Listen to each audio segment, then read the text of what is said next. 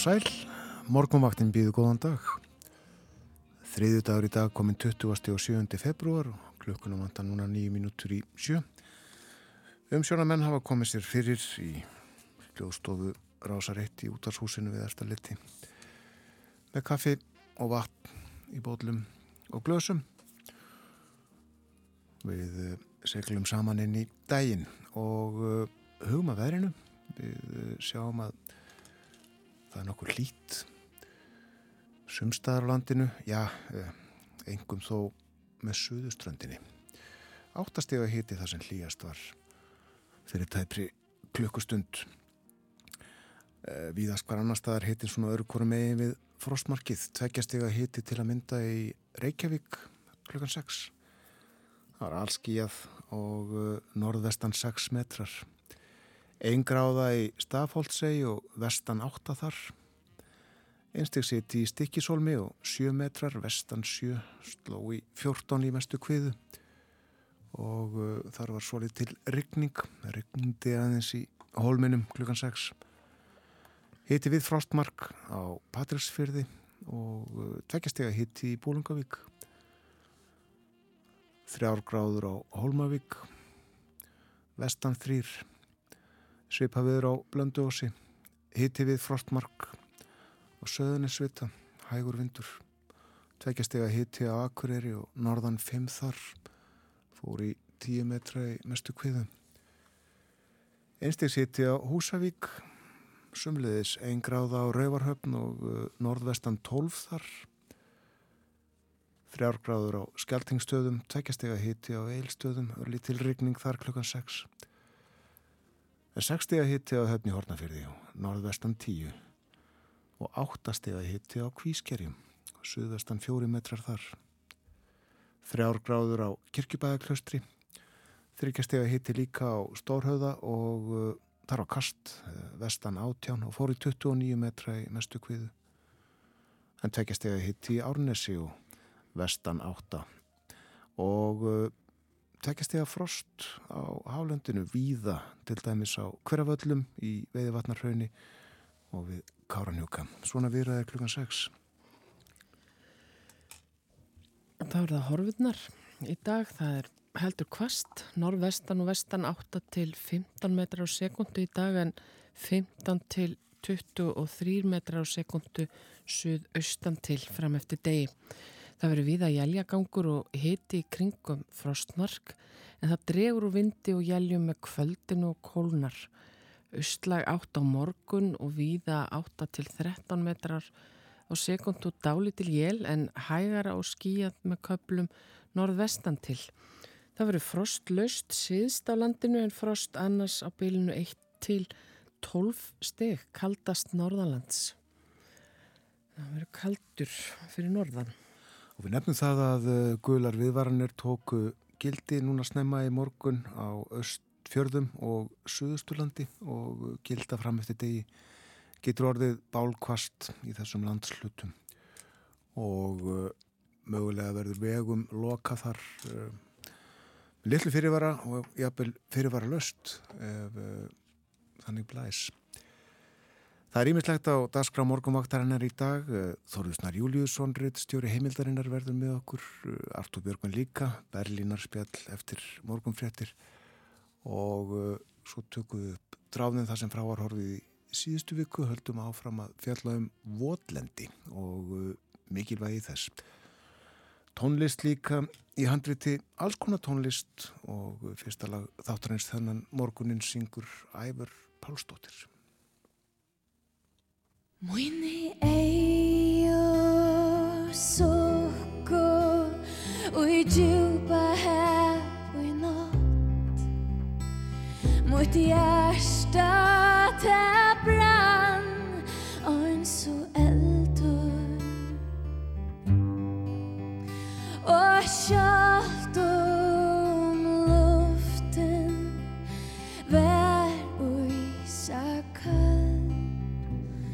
Pennsylvania.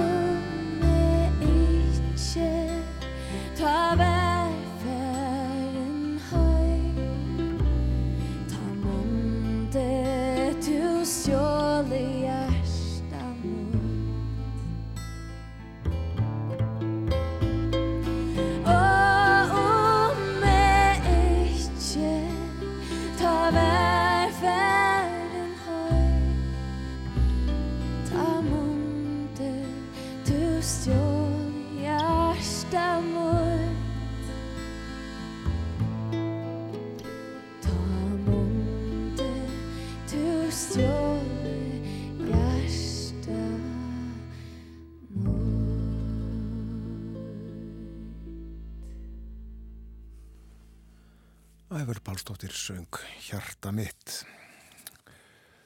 Hún kemur frá færiðum en uh, við höfum eftir að heyra íslenska tóna líka í þettinum í dag. Uh, tónlist líka frá Þýskalandi og Sútan. Það líður að frettunum hjá okkur á morgunvaktinni. Við fáum okkur aðeins meira kaffi í bollana og uh, förum yfir dagskráð þáttarins eftir frettir. Lítum í blöð, uh, já, uh, skoðum svolítið aðstæður í landinu og uh, svo ætlum við að fjalla svolítið um uh, ása í bæ, meira en það á eftir.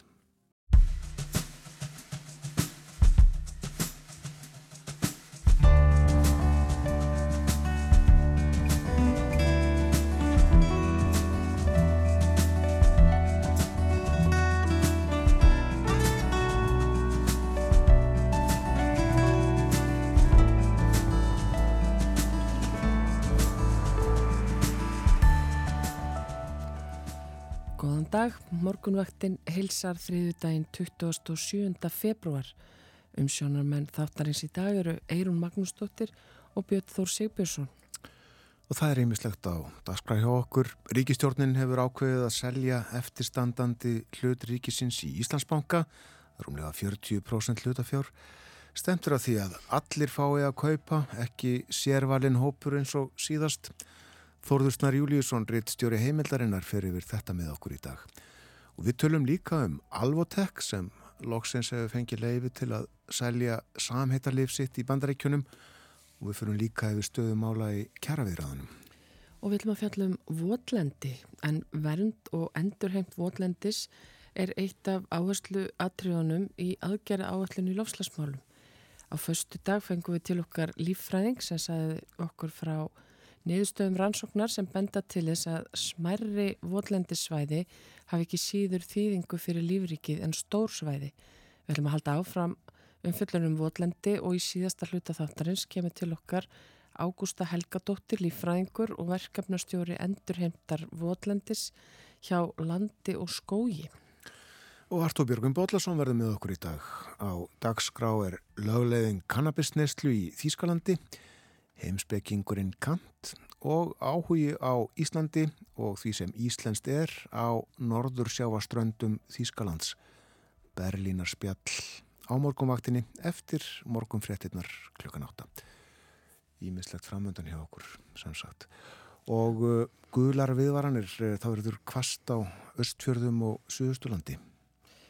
Já, það eru gular veðveðarnir þar og svo eru þetta auknar líkur á eldgossi og við stofan varar við því að kvikumagn undir svarstengi nálgast sömu mörg og í aðdraðanda fyrir gosa. Og það segir á veð, veðstofunar fyrirvarin nú geti verið mjög stuttur. Þetta hefur verið farið yfir í fréttum undanfarna daga en það er ástæð til að hafa hér yfir hugleðingar veðurfræðings og þar segir yfir Austurlandi er djúb og víðáttu mikið lægð á reyfingu austur. Í kjölfarið gengur í vestan kvassviðri eða storm suðaustan til en annars hægari norðvestlæg átt og slittuða snjójél víða um landið. Hiti víðan á látt frostmarki. Það er gular viðvarnir vegna kvassviðris fyrir suðausturland og hríðar viðvarun fyrir austfyrði en það dregur smám saman úr vindi og jæljum undir kvöldið en kólnar í veðri Læðin fjarlægislandi setnipartin og dregur þá smám saman úr vindi og úrkomi, segir viðfrængur.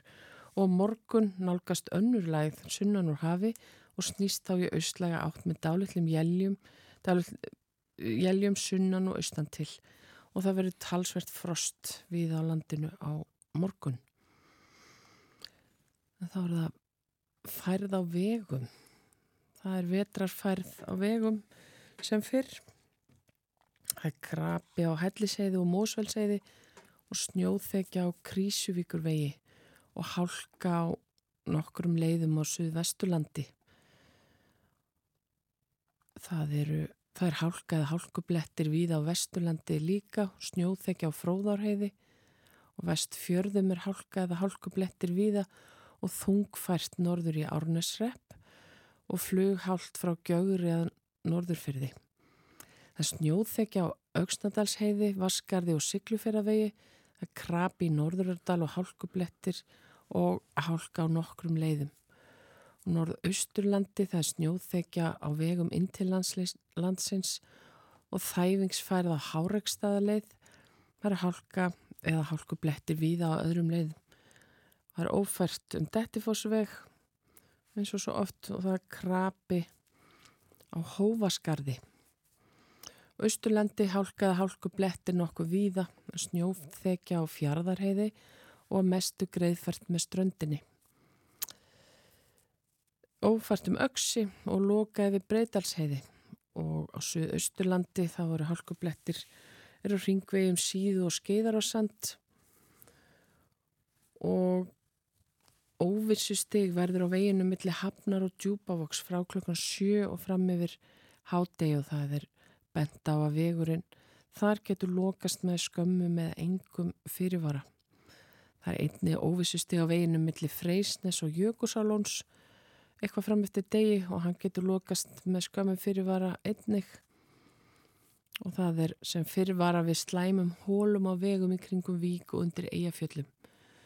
Og Suðlandinu, krabi, hálka eða hálkublettir víða og mikið um bróthólur á svæðinu og vegfærandu beðnir að aga með gátt.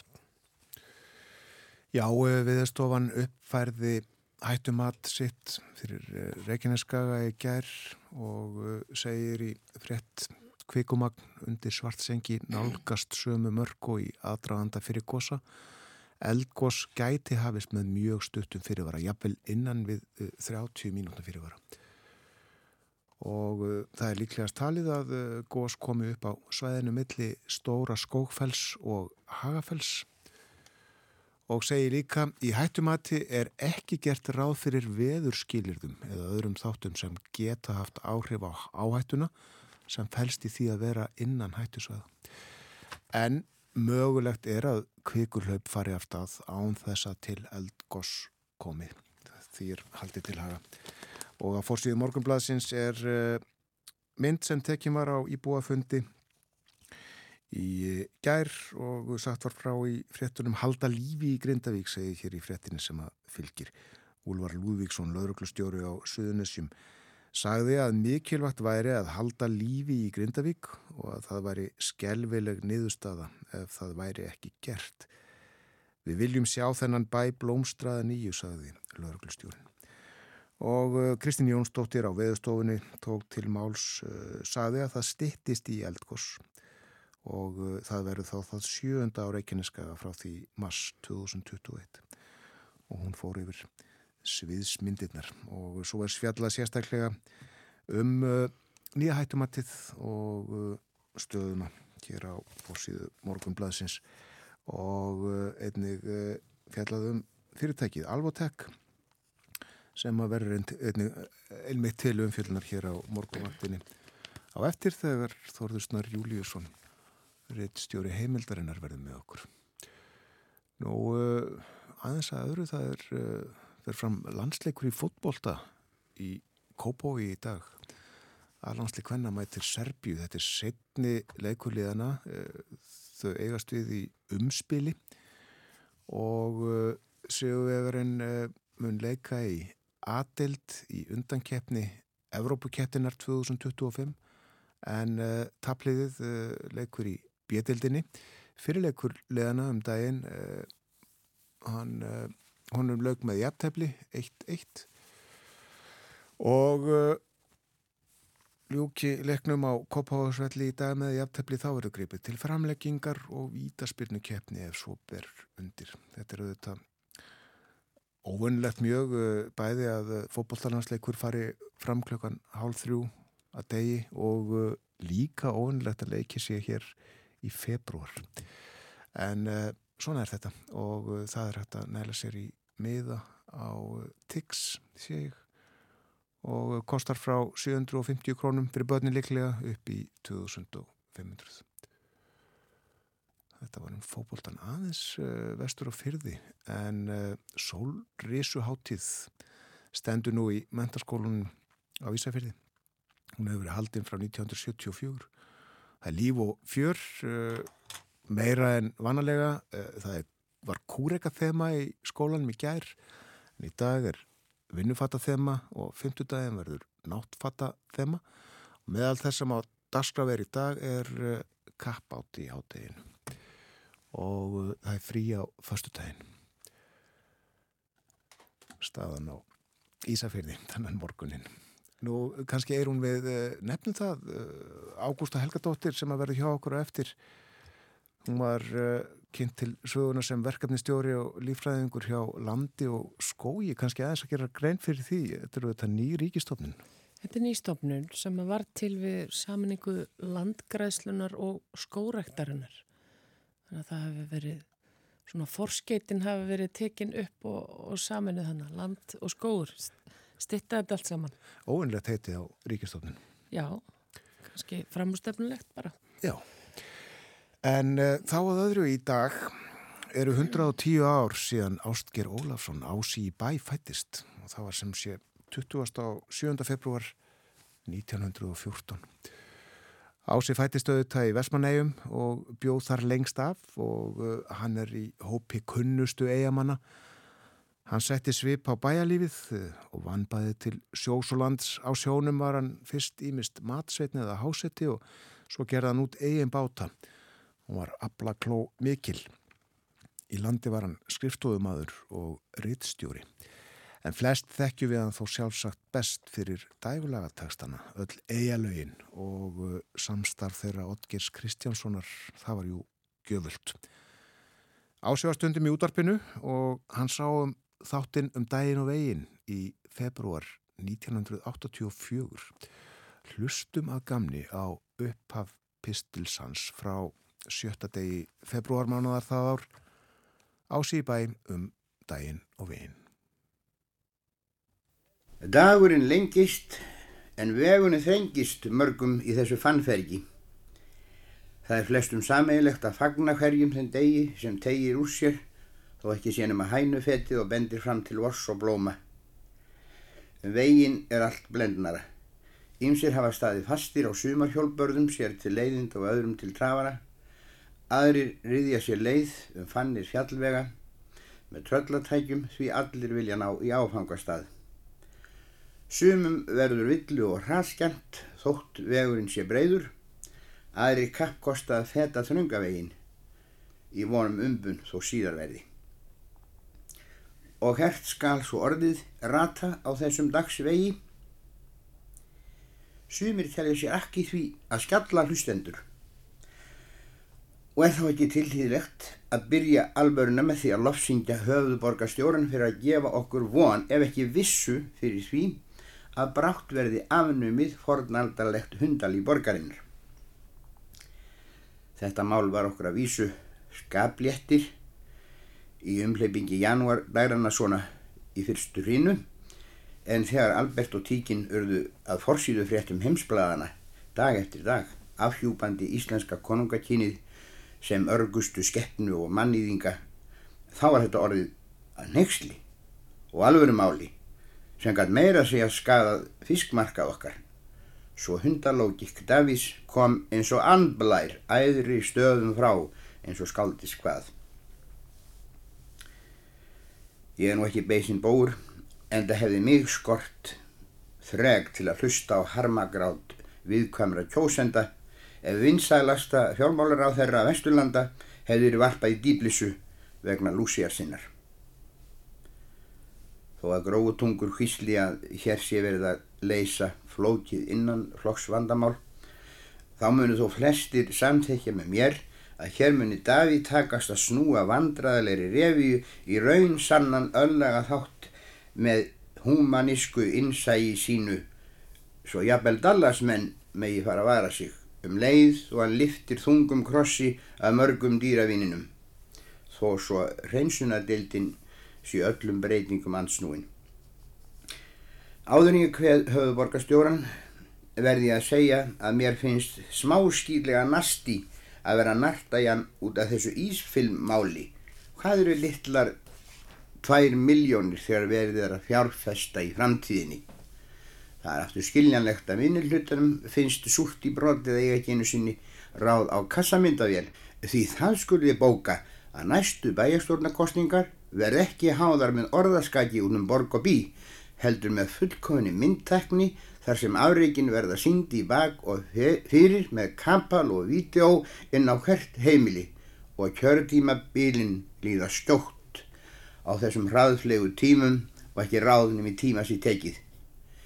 Ísfilm ævintýrið sannar enn einu sinni framsýni hins snjalla borgarstjóra en það hefur Indriði G. jafnan verið fram úr stefnum aður.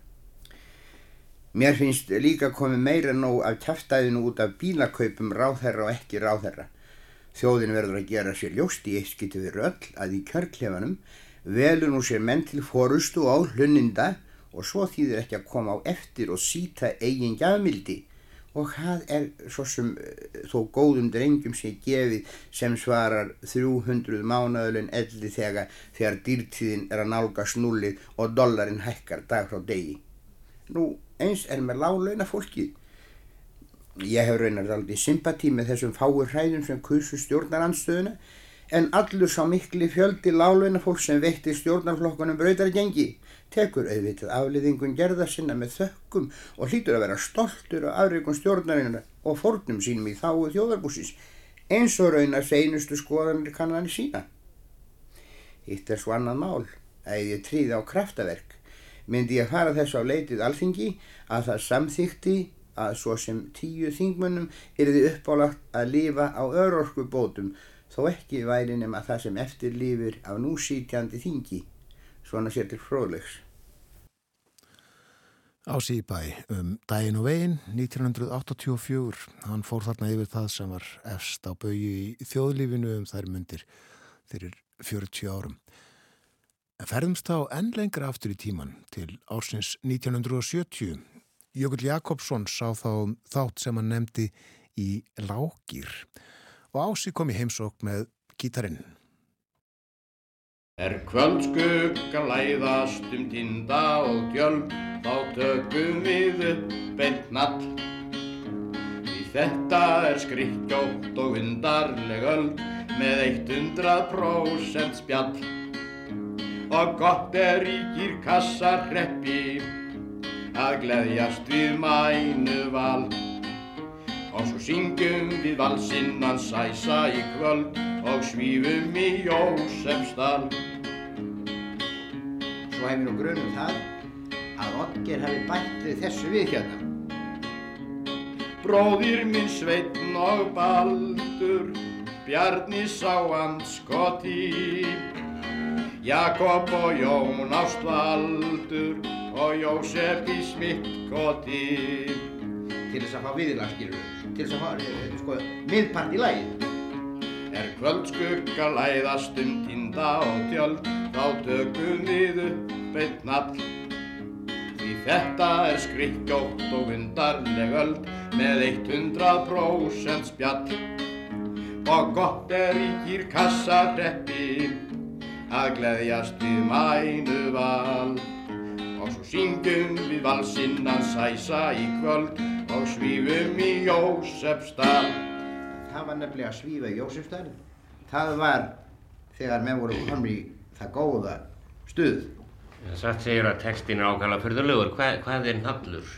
Nallur, það er brennumflaska. Já, mig grunaði það. Já, En uh, gýrkassa? gírkassareppur, já það er hjá bílaviðgjara mannu, það er viss reppur sem heitir gírkassareppur. Hann var, var bílaviðgjara maður. Já, og hann, hann nefndi hlutina sínum eigin nöfnum, Tommy. Og það voru fleiri orð þannig í textana sem ég kom mjög undarlega fyrir sjónir. Við mæn, mænu, já. Já, mænu. Mæn, mænu val. Mænuval. Gleðjast við mænu val. Hvað er að Já. gleðja þessi mænuval? Það er, mæna er líka flaska. Já, Já. og eitthvað Við skulum fá okkur eina mænu. Já, það voru þá frekar mjórri, svona, var það púrtari frekar. Já, eh, nallur var, var Nallur sterkara í í, í Já. nallinum. Og gleðjast við mænu val, þá já þarf það ekki þá að- gæt maður sko valið úr náttúrulega, auðvitað það. Það var, það var nú náttúrulega uh, á þjóðháttíð þá var nú anskoti mikið úrval. En þessi kavalerar sem eru taldir upp þannig í... Þetta eru, þetta eru ýmsir, ýmsir svona sem komið þarna á verstaði til, Tómasar. Já, ýmsir svona sem hann hafi viðskipti við, það veit náttúrulega hátt. Svona bara strákar þarna út í eigum þá. Allt í sagleysi gert náttúrulega. Ási í bæ útlistaði Sæsavalsinn hérna í Lágýr, þætti sem að Jökull Jakobsson hafði umsjálf með 1970. En við ljúkum þessari stuttu umfjöldun okkar um Ása í bæ, eh, tilipniði það að það er í dag 110 ár síðan að fættist. Ljúkum henni á að heyra hann syngja með góðum vinum úr Vestmanægjum. Hljónplötu útgáðan Fálkin gaf út plötu til styrtar uppbyggingu í eigum eftir gósið 1973 og á henni er lagið Heimaslóð í flutningi Ása sem syngur. Alfreðs Washington Þórðarssonar á piano og bræðir hana Arthurs og Gísla Helgassona. Arthur leikur á bassa og Gísli á flautu.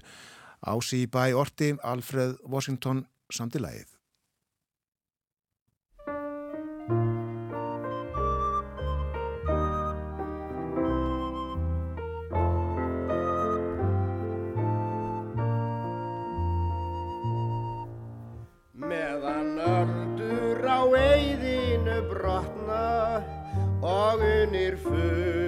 fugli kletta skor. Mun ég leita í eigarnar eins og fyrr í æsku minnar spor. Þar sem lundin er ljúfastur fugla, Þar sem lifði Siggi Bón og binni hann sótti í sjávardjúp sextíu þúsund tonn. Meðan lífsþorstin leitar á hjörtun, meðan leiftrar augans glóð, Þó á höfðanum þjóti ein þrettán stíg, ég þrái heima slóð.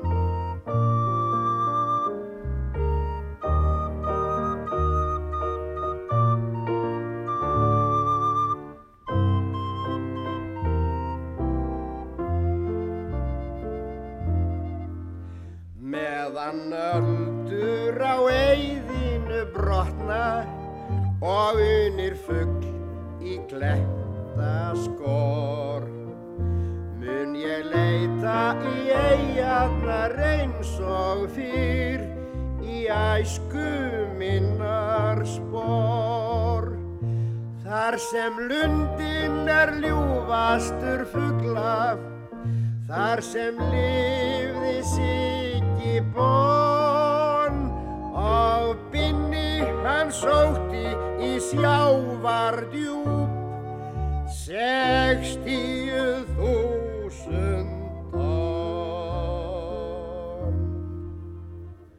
Meðan lífsþorstin leitar á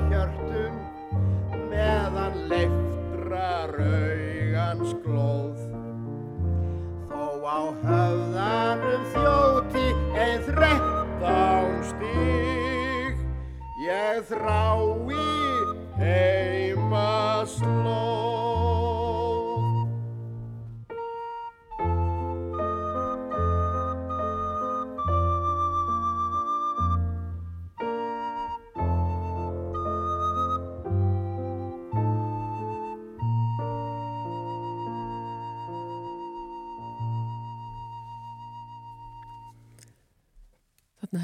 Ása í bæ.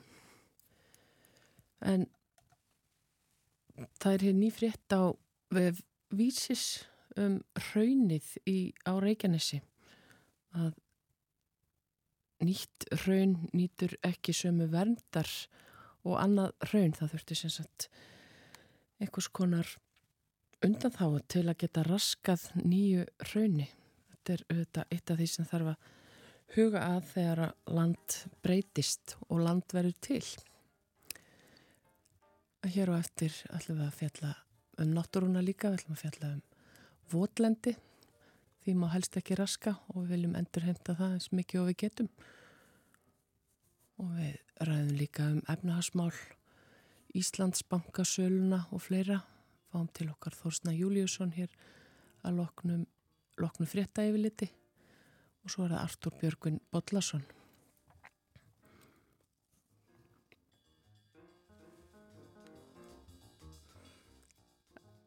En þá fyrir við að hleypa fréttastofunni að, fáum yfirlit morgun frétta.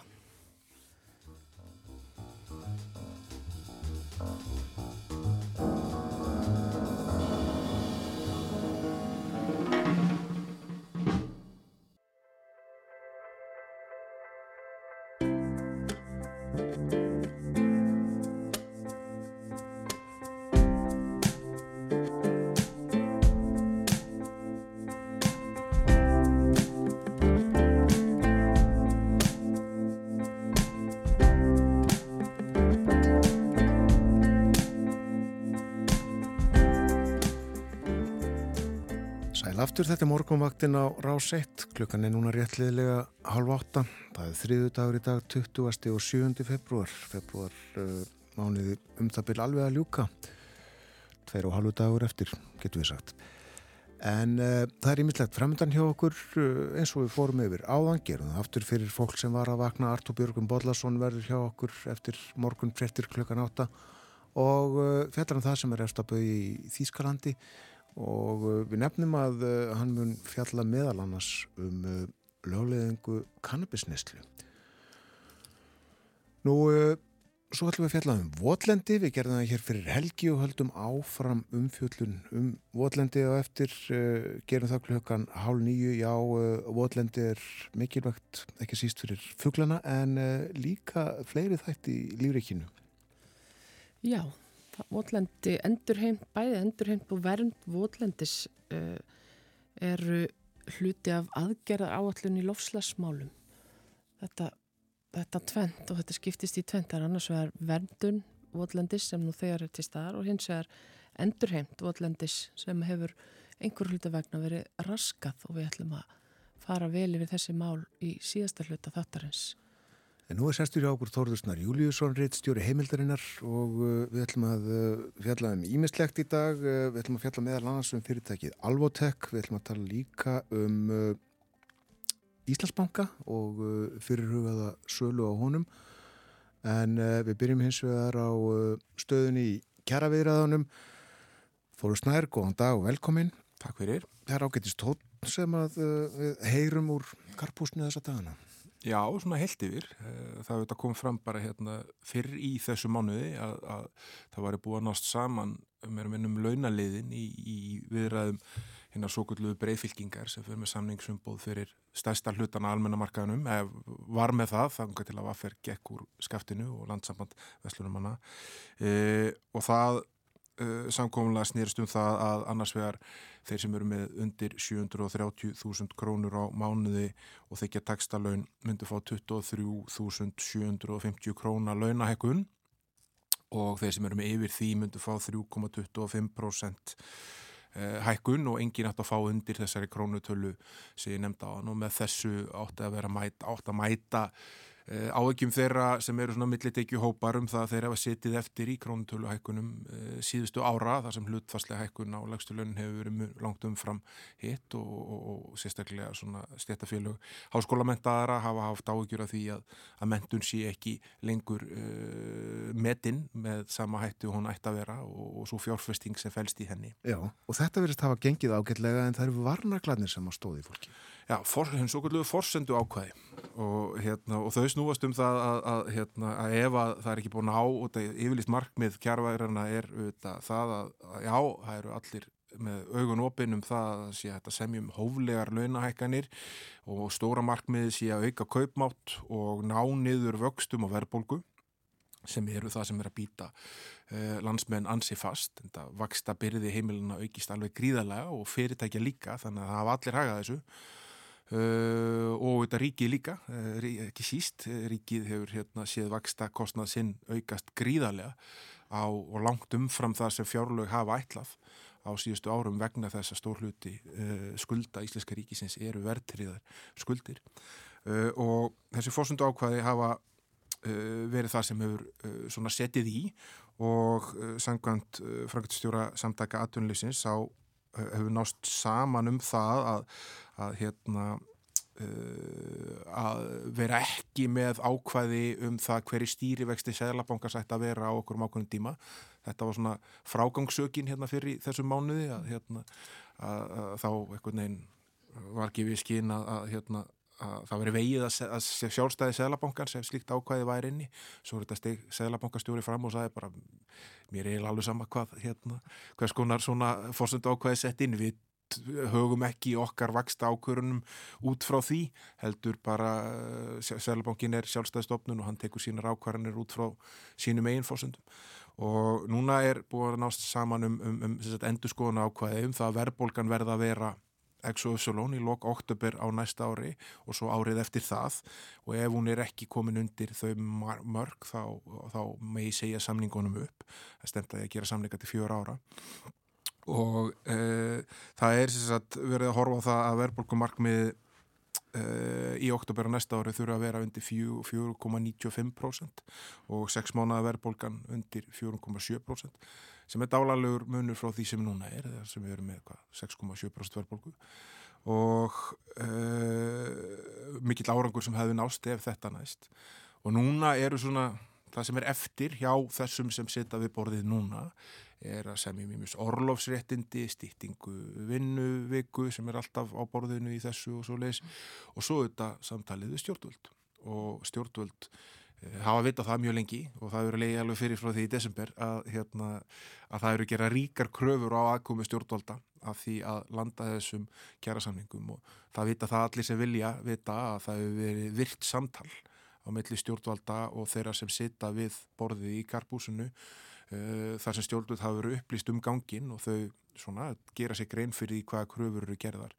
Uh, stóru kröfurnar eru um það að Eh, þessi svo kallum millifæslukerfi eða tilfæslukerfi barnabætur og, og, og, hérna, og vakstabætur og þau verið endurist með kostnæði sem hefur verið metin á 20-25 miljardar króna á ári og það eru þetta mjög kostnæðarsamt svo hafi líka verið sett fram kröfur um, um, um, um egnar húsnæðisbætur og leigubremsu uh, svona aðgerir sem munu hafa áhrifin á húsnæðismarkaðin þannig að það verið mjög frólægt að sjá uh, ef að spá til dæmis Viljáms Byrkíssonar sem leiði starfskrinnarsambandið hann sagði svona að þetta væri í kringum helgina sem hérna við ættum að sjá til lands í þessu uh, hvað kemur frá stjórnvöldum þá uh. hvað, hvað er þetta stór mál, þessi mál sem eru eftir þetta er búið að nást ná, nást saman um svona ákvæmna hluti en annars sem stendur út af hvað er þetta eitthvað sem tekur langan tíma að þínum að þið að leysa, það sem er eftir? Nei, ég held ekki. Ma maður heyrist svona á þeim sem sittaði bórið að þetta eru hérna, þessi orlósréttindi, uh, aukin uppsagnarvernd sem ebling hefur sérstaklega farið fram á og fyrst að þau eru farin að tala svona eins og þau gera þá uh, svona hérna kannski segir einslamanni það að þetta verði ekki frágangsög sko, fólk mun ekki ganga í burtu uh, vegna þess hvernig þessi mál lenda og, hérna, og það fyrir að tala um að þessu ætti svona geta lokið eitthvað tíman í kringum komandi helgi. En uh, þetta er auðvitað bara hluti svo er bara aðrir hópar eftir. Þetta getur markað auðvitað og rutt veginn. En Vaffer er auðvitað stæsta stjættafélag landsins og landsamband Veslumanna og þeir eru eftir, þeir gengu út þarna og það er ekki alveg skýrt af hverju Eh, Frankværtistjóri samt að Gatuleysi segir að það hefði verið vegna þess að þeir hefði viljað að verðbólgan myndi uh, lækum 0,2% stíg meira uh, á næsta ári en, en, en, uh, en lagt var upp með og, og Ragnar Þór Ingolfsson formað vaffer hefur vísa því mjög harkalega á bug. En hann hefur ekki sagt alveg hvers vegna? Nei, hann hérna, setti frá sér Facebook-fæslu þar sem að sagði einfallega að þetta var í ránt og það kannski sem var aðdýlisvett líka er og það sem eru einnkjönd þessar viðræður núna er svona, hvað maður segja meiri kurtesi en hefur engjönd kjarabaratuna í lengri tíma og, og kannski svona lausnar miða er umræða, það hefur ekki verið mikið um digubarklegar yfirlýsingar þar sem e, svona hinn er andstöðu pólar hafa verið að, að, hérna, að kalla hvort öfnum íllum nöfnum eins og við höfum kannski vanist á síðustu öðrum þegar mikil harka færðist í kjærabaratuna en uh, Ragnar Arnsi Harðurur í þessari Facebook-fæslu Nefnum bara það að, að það eru þetta nýr frangatastjóri á samtökum aturlýsins og það er líka nýr ríkisáttasemri sem að stýra þessu. Já og það verist allavega auðvitað með þeim aðstæðum sem við stöndum frammefyrir sem uh, auðvitað íta á alla samningsæðila til þess að breyðast með öðrum hætti við. Það er öðruís að semja e, í umhverfi þar sem vextir eru svona eins og þeir eru, verðbólka eru svona er, kaupmáttur, ástöðunatekna hefur hrunið ásfjörung eftir ásfjörung. E, það finna allir fyrir þessu, það finna fyrir fyrirtæki fyrir fyrir þessu, heimilinn finna fyrir þessu, ríkið finna fyrir þessu. Það þarf að finna ykkur að laust. Þetta eru aðeins öðruís aðstæðar en við höfum staðið frammi fyrir á undarfötnum árum. Já. Þannig að hérna það er svona, hérna, svo er þetta að koma heinir hópatnir eftir rafinnarsambandi, það er mjög þingra hljóð í þeim og þeim sem eru með þeim í samflóti eh, og það er svona verið að tala um einhverjar aðgerir eh, til þess að hérna, eh, að knýja fram á, á, á, á betra veður í, við, við samningsborðið og svo eru þetta omberigerinn eftir og, hérna, og, og uh, háskólafólk og, hérna, og fleiri. Mm. Þannig að þetta er ekki búið þótt að þetta lendi en þetta er risastór áfangi ef að ef að starfskannisabbatið ebling og, og þeir sem eru aðrir hluti af uh, þessari breyðfylkingu en uh, ná að ljúka samningum til svona langstíma. Og alls ekki ólíklegt að það gerist uh, áður en við hittumst næst sem verður í næstu viku.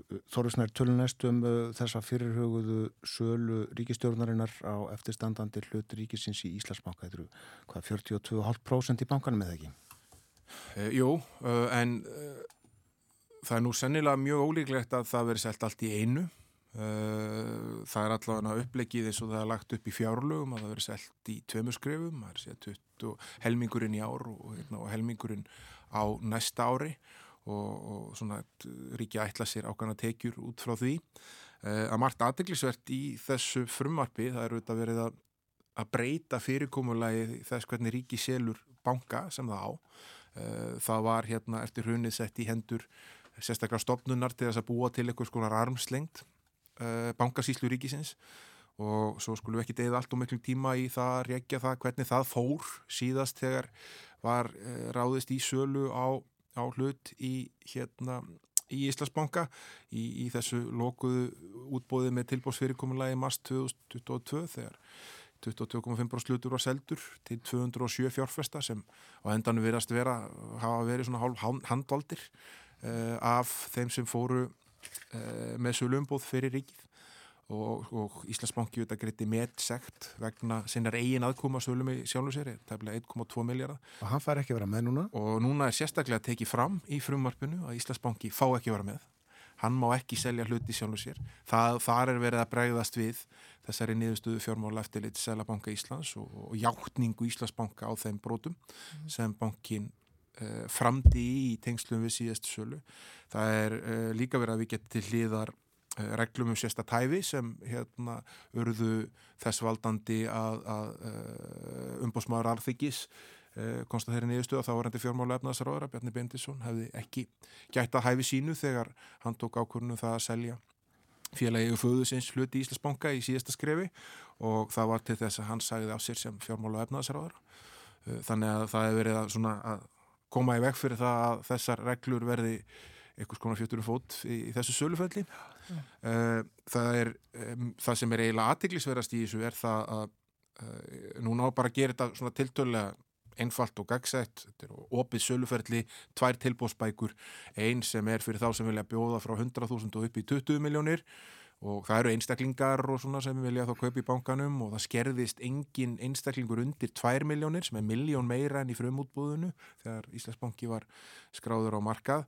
Þannig að hérna e, það er innbyggt í þetta og svo er, er tilbóðsbók B sem er fyrir e, stærri fjárfæstina sem alltaf bjóði yfir 20 miljónir en það sem er aðdeklisverðast er að, að fyrir mér er það að það má ekki bara borga með peningum það má líka borga með brefum í hennu svo kallega íelsjóði á að reyna að leysa annan vanda sem sagt. Já, það er auðvitað gríðalur vandi sem fylgir í heldsjóði eh, og við höfum rakið hann hér áður en hérna, þetta er millusteytnum háls ríkisins ef að þessi bref, eh, skuldabref í heldsjós, gamla íbúvalánasjós fá að uh, ganga sinn tíma til 2020, 2044 þá mun það kosta ríkið vel yfir 400 miljardar hérna, að greiða þau upp og þetta eru ósjálfbær skuldabreflokkur og þannig að ríki hefur verið að leita lausnum við þá sem eiga brefin sem er aðalega íslenski líðvísjöður til þess að höggva þennan hút og, og lámarka tap uh, skattgreinda af þessari ákvörðun sem var tekin hérna árið 2004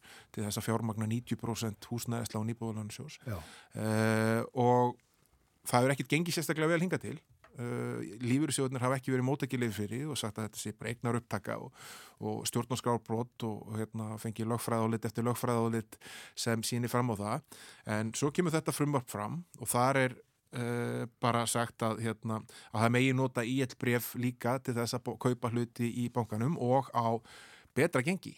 Uh, það er þess að miða við gengið hundrað Uh, á hlut uh, ef borgum í eitt brefum en, en markaskengi í Íslandsbánkan upp að viku var 112 Eru fórsvarsmenn lífrið sjöðan að spennti fyrir þessu? Já, svo bara eins og töfrasbrota var í veifað þá uh, byrtist síðan yfirlýsing dægin eftir að frumvarpið byrtist í samráðskátt frá átjón lífrið sjöðum eiginlega öllum nema tveimur stærstu þar sem þeir uh, og fjármála efnaðsraðuniti tilkynntu um að viðræður væru hafnar um það að leysa þennan vanda. Og það er risastort skref og mikill árangur fyrir stjórnvöld að fá uh, lífyrsjóðuna að borðinu í slíkar viðræður en það uh, gefur þá mjög sterti kynna að það átt sér stað óformlegar viðræður um það að hvaða er sem þeir geta fengið í staðin vegna þess að þeir hafa sagt bara, herru, hér erum við með mjög arðbæra vöru fyrir okkur, hún örug, við erum búin að reikna hana inn í allar framtíðar greiðslur til okkar sjósfélaga mm. uh, þið geti ekki bara tekið hana borðinu bara vegna þess að þetta var vondviðskiptalega ákvörun hjá ykkur uh, sem er aflegginga ykkur vondum pólitískum ákvörun sem voru teknað fyrir 20 árum. Þannig að hérna, uh, það er augljóst að það er búið að, að, að smyrja hans hjólinn og segja við þessa lifirsjóði um að þeir eigi ykkur að möguleikum að fá ykkurar arðbærar eignir eða vörur í staðinn og þetta er þá einn að geta skipt þessum brefum í, í, í hérna, skuldabrefum í hluti í Íslandsbanka en það veku líka aðdekli að tvei stærstu sjóðunir uh, Lífursjóður starfsmannaríkisins og Lífursjóður Vestlunumanna, þeir eru ekki með þeir eru ekki sestuðu borðið. Þeir eru tveir að stærstu eigundum Íslandsbanka nú þegar á samt þriðja stóra sjónu gildi og svo þetta Íslenska ríkinu. Þannig að það er uh, alltaf dramatík í, í þessu sögur En er uh, svona heilt yfir, er búið að gera að þú er búin að nefna að það er ímsir varnaklar og ímslegt breytt frá því síðast var selt í bankanum, er búið að gera næjanlega mikið til þess að það sé líkur á að, að þetta sen gangi betur að selja þessa hluti ríksins? Ég eh, held að það sé þannig já. Eh, þú veist, þetta er einfalt og þetta er opið og þetta er gagsætt. Þetta eru mismundi skoðunar á því hvort að ríkið eigi að eiga fjármálafyrirtækið ekki mm. og þær mun ekkit breytast. En ef það er eh, viljið til þess að selja hlutin þá er eins opið útbóð eins og hægt er besta leiðin til þess að gera það. Þannig var frum útbóðið á sinn tíma, þar var svona kannski aðal hérna gaggrínin sem var sett á það var hversu látt verð var sett í því eh, vegna þess að verðið síðan hækka í gríðalega hratt eh, í kjölfarið, það er ekki staðan núna. Íslandsbankin eru þetta búin að vera á markaði í mjög langan tíma, eða þú veist alveg nægilega langan tíma, það er komið markasverði á hlutin uh, og það verður ekki vandamál í þetta skipti. Það er bara verðið sem verður í bóði mun taka miða á markasverðinu þannig að hérna manni sínist eins og uh, það sé búið að slá á svona flest það sem var sett uh, verulega út af að öllur sem skoðuðu síðastu útbóð sem auðvitað er Eh, dró gríðarlega úr trúveruleika þess að selja bankans vegna þess að það var ákveð að fara svona alltaf útlenska leið, þetta tilbósfyrirkomlag mm. velja ykkur að fagfjörsta aldrei verið gert áður með ríkisegn og Íslandi og sprakk algjörlega í andliti á þeim sem heldu utanum það. Mm. Það er búið að taka bankasísluna alveg út úr menginu, hún eh, verður ekki lengur með hlutverk við sölu á egnar hlutum ríkisins í fjármálafyrirtækjum og þetta liggur fyrir fyrir næstu 22 mánuður síðan hafa geið út að þetta leggja hana niður uh, og það hlýtur nú að fara að koma því með ykkur um hætti en hérna eh, það er svona þeim áhyggjur sem koma fram í og, og, þe og þeim áfællstómur sem koma fram í skýslu ríkisendurskoðunar í niðurstöðu fjármála eftirlitsins í niðurstöðu umbósmas alþingis þeim er mætt í þessu frumvarpi og það er einfalt og það er gagsætt.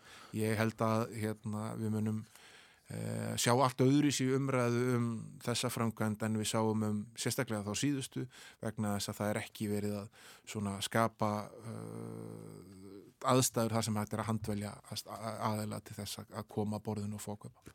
Vil maður nota þórust með síðustu mínututunar okkar í dag til að tala um alvotek við um nokkur sinnum fjallaðum félagið, það framleiði liv, samheita liv og ætlaði sér með lifið á bandarækjamarkað en uh, það gekk ekki.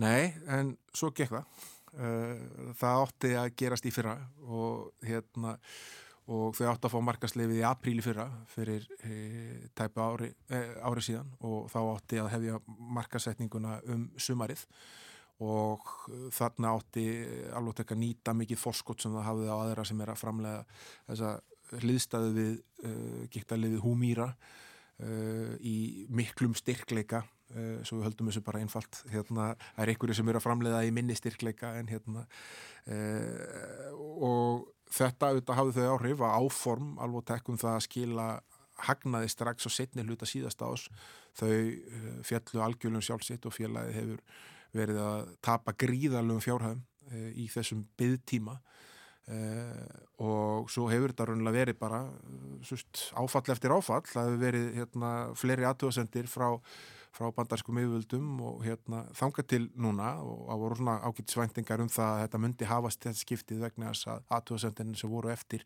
voru litlar og, og uh, það var hægt að mæta þeim. Og uh, svo fegst loksins markasleifið fyrir helgi og þá er Alvotek fyrst inn á bandarækjumarkað með uh, húmýra hliðstæðu í háum uh, svona há, háum magni og hérna og það veit ég ákveði fórskott og svo erum við annar liv líka sem er á leiðin þar inn. Og þetta ger það að verkum að, að hérna, bæði tókst félaginu að tilkynntu það núna í, í byrjun viku áður en að markaður opnu í gæra það er selt uh, umtalsvert af hlutabröfum hópur fagfjárhasta, bæði íslenski lífyrsjóður og evróski fjárhastar hafi keift í félaginu fyrir tæplega 23 miljardar króna sem tryggi því þá auki rekstra fétti þess að komast hanga sem það vil koma. Og virðið raug upp í 27 miljardar viðskiptum í, í gær, 23 af þeim þessi sívarnafna hérna á hann uh, og er núna komið yfir 700 miljardar króna sem gerir alveg að tekka langverðmætasta félaginu í íslensku kaupöldinu 709 miljardar í lókdags í gær til samaburðar þegar alveg tekk fór af First North markaðinum yfir aðalmarkaði byrjun desember 2022 þá var verið 285 miljardar. En er það alveg víst sem sagt að þetta uh, liv, þetta hliðstæðu liv alveg tekkmunni seljast og seljast og seljast og færa félaginu fullt að tekjum? Nei, það er auðvitað ekki alveg víst en, hérna, en það er augljóst að uh, fjárfestar telja að séu góða líkur á því að uh, þetta uh, fórskott sem þeir hafa á aðra sem er að framlega, framleiða sambærileg lif að það muni nýtast þeim til þess að geta komist í miklar tekjólnir mm. og við skulum líka heldur ekki gleyma því sko að, að það eru hvað, þrjú ár síðan að hérna Róbert Westman sem er fórstjórið og stjórnáformaður og svona alfa og omega í öllu þessu alvotek, alvogen. Dæmi öllu saman kom í viðtal í kastljósi hér í, í þessari byggingu og sagði að uh, að útflutningur þessara samstæðu gæti verið 20% landsframlislu á Íslandi innan ekkit svo margra ára.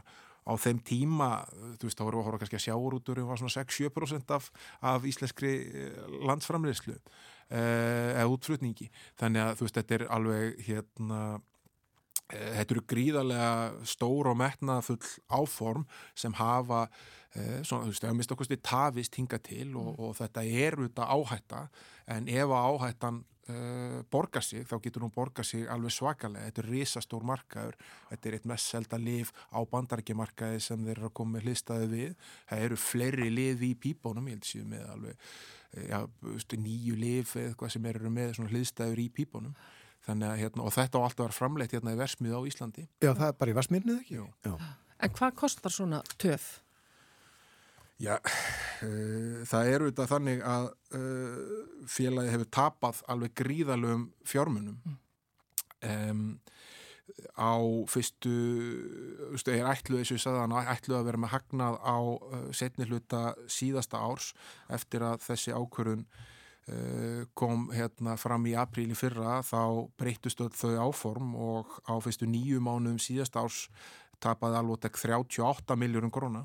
Og inn í þeirri tölu var líka uh, skattalett tap upp á 9,3 miljóra sem uh, félagi færið sem tekjur í ásetningin þannig að tapið heilt yfir er meira, þetta eru 20 miljardar sem þetta hefur kostað og uh, rekstratapið frá byrjun síðast ás og út september í fyrra var 47 rúmir miljardar króna. Þannig að hérna, þetta er dýrt og uppbyggingin hefur verið dýr en þeir sem hafa fjárfest í því eru þá að veði á það að, hérna, að þegar, að, þegar vindar snúast að það muni færa þeim mikla fjármunni Nú er voru lofti. Þakkaði fyrir í dag Þórusnær að spjalla hér um efna og samfélag ímislegt sem við rættum þennan morgunin og gerum næst á morgunvaktinni í næstu viku og þá eins og við sögum aðan verður mögulega búið að semja.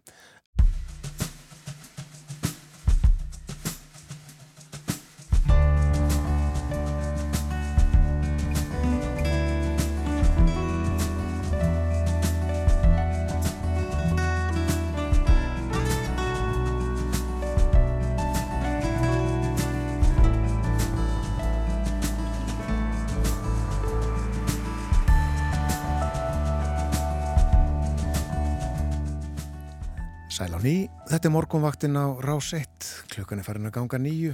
Það er þriðu dagur í dag, komin 20. og 7. februar. Var farið yfir veðurhorfur dagsins hér undir lok fréttatímas áðan og uh, við ítrykkjum það að uh, guðlar viðvarnir eru í gildi fyrir Suðusturland og Östfyrði. Þar getur orðið bálkvast og mögulegt að vegum verði lokað fyrir vara löst eða lítið vegfærandur fylgist með því.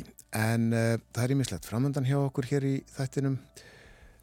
Minnum á að uh, við ætlum að uh, fjalla um votlendi hér eftir fréttaefliti klukkan hálf nýju. Höldum áfram umræðum eða umfjöllun sem að hófst hjá okkur í síðustu viku. En nú er komið að því sem er efsta bögi í Þýskalandi. Í símanum hjá okkur er Artúr Björgum Bodlason. Heil og sæl og góðan dag. Góðan daginn. Góðan daginn. Við ætlum að tala um ímislegt í dag eins og oft og byrjum á, já, segjum gömlum kunningja. Við höfum nokkur sinnum nefnt það að ríkistjórnin sem að nú sittur í Þýskalandi, hún setti sér við myndun stjórnarsáttmála að heimila kannabisneslu og það hefur gerst eða hvað? Já, ríkistjórnin eða þingi, Þíska þingi samþýtti með yfir nefandi meiruglutu aðkvæða um síðustu, fyrir síðustu hengi að leifa og heimila nýstlu kannabisefna og þetta, þessi lög sem er að taka gildi 1. apríl, þau eru að vísa háð samþykki, þetta var bundestak eða neðri deilt þingsinn sem samþykki þetta, þau, ja, þau eru ekki beint háð samþykki efri deilta, bundesrat, en uh, efri deiltin gæti tafið það að því ekki gildi en þó er það ekki talið líkvægt. En sem sagt, lögin uh, þau heimila þeim sem eru á 18 ára eldri að eiga alltaf 50 grömm af kannabis heima hjá sér og sömulegis að vera með 25 grömm á almanna fæði, þetta er svolítið sérkennilega reglurvartamann en, en einstaklingar með að svo jáfnframt uh, vera með uh, þrjár kannabisplöntur á heimilinu Já. og uh, þetta sem sagt er svona, hvað er að segja, þetta er ástæðan fyrir þessum lögum er auðvitað svo að, að með þeim á að reyna að stemma stígu við öllu því svartamaskasbraski sem hefur týrkast með, með hampin, með hass og marjuana um langt ára bil. Og uh, það eru margir sem eru reyndar mjög móti þessari lagasetningu og móti því að það er reyfa að nota hampin blessaðan sem vímugjafa Er öllu heldur til að vera nú nákvæmur svona þann tegund, þá tegund af hampi sem að kallast cannabis indica. Við, við vitum já það er til fleiri tegundir af, af, af, af hampi og farum með að þessi cannabis satífa sem hefur nú verið notaði til yfirsta hluta svo sem í mat og allskeins textilgerði þúsundur ára. Það verður að taka fram að hampi en í Reykjavík hefur náttúrulega ekkert með cannabis að gera. En menn eru svona á báðum áttum og, og, og mísjafna skoðanum það hvort það er þessi rétt að, að fara þessa leið til þess að stemma stigu við svartamaskarsbreskinu og ekki bara svartamaskarsbreskinu heldur líka því að það er vitað að það hefur verið sko einsur óbrúknir náðungar hafa verið að blanda einsum sterkari efnum í þetta kannabis eða þetta marihuana, þetta hass sem hefur verið á sölu til sölu í Þískalandi mm. og þá jáfnframt að koma í veg fyrir að það gerir þannig að menn séu bara að reykja reynd efni en ekki eitthvað ósverra með. Hvort sem að fólk veit nú kalla efni sjálft ósverra eða ekki. En, en uh, það eru margir sem hafa látið í ljósi efarsendur um að fara þessa leið og leifa neistlu uh, kannabisefnis þó að kannabisefna þó að þetta sé með uh, mörgum skiliðum og meðal þeirra sem hafa tekið til máls í, í þeirri umræðu þá eru læknar margir sem að segja að þetta sé afskaplega varðuvert sérstaklega að því að miða við 18 ára aldur og uh, heilin sé nú að þroskast heil mikið á milli 18 og 25 ára aldur og þetta geta haft, uh, mikil kannabisnesla geta haft áhrif á þroska heilans. Nú gláruglumenn er ekki vissur um að þetta muni verða til þess að útrýma öllum glæpum tengdum kannabishefnum eða, eða koma alveg vekk fyrir svartamarkars brask og svo eru náttúrulega ymsir félagsrákjafur og aðri sem að telja sem sagt, mjög varðverkt að fara þessa leið og, og óttast að en fleiri en áður muni þá ánættjast þessum efnum. Þannig að eh, það er mjög hardt deilt um þessi mál þó að lögin séu komin í gegn með þingið. Og uh, þetta hefur verið mikil umræðið eða hvað og uh, upplýsandi? Já, já, búin að vera heilmikil umræðið og, og, og margir sem hafa tekið til mál sem það er aðtæklusett á þegar lögin voru samþitt, þá voru það fulltrúar kristilegra demokrataþinginu sem voru á móti og fulltrúar AFD, Alternatíu fyrir Deutschland sem að telja þetta svona bara beinlinis undanfara heimsendis ef maður skilur þeirra málflutning rétt. En uh, þetta er, sko, auðvitað er þannig að, að í beilin til dæmis hefur verið þetta að kaupa þessi efni að sögn fróðra manna og hvenna á öllum götuhólnum eða með sko vissum stöðum í borginni og það vita allir þetta við viðgengist lengi sala þessum efnum á neistláðum. Þannig að það bara verið að koma í vekk fyrir að, að að, gera þessi efni lögleg sem hafa verið til og hafa verið umferð svo að all ólöglega heitin sem að tengja sölun og neslunnaðum uh, sé úr sögunni. Þetta er hugsunum á bakvið þetta. Einmitt. Og uh, sambærileg uh, lögjöf innleitt í nokkurum ríkum allavega og umræður svo sem farið fram við um heimlíka.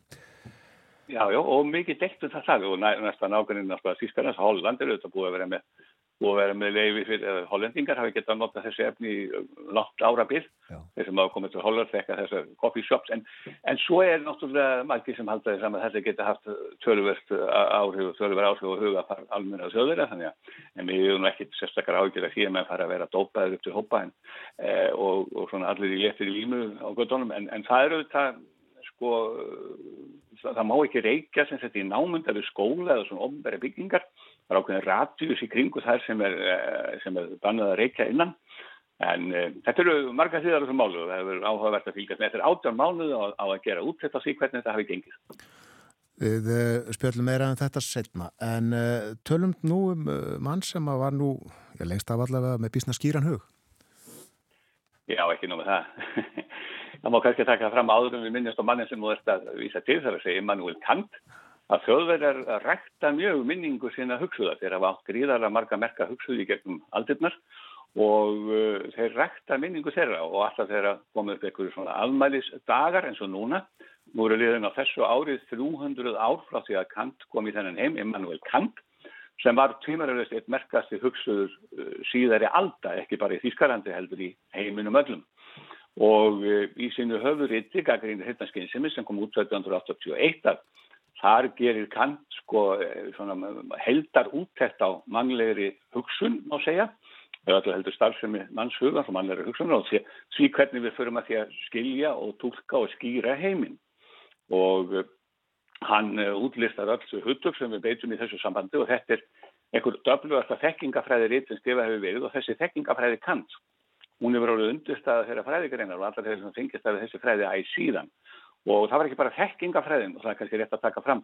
Þetta er 1781 sem að Gagrinir hérna skinn sem ekki með út. Og önnur útgáfa bókarinnar kom 1783 það er aldrei merkilegt því það er sama árið og móðuharðindin hefjast á Íslandi.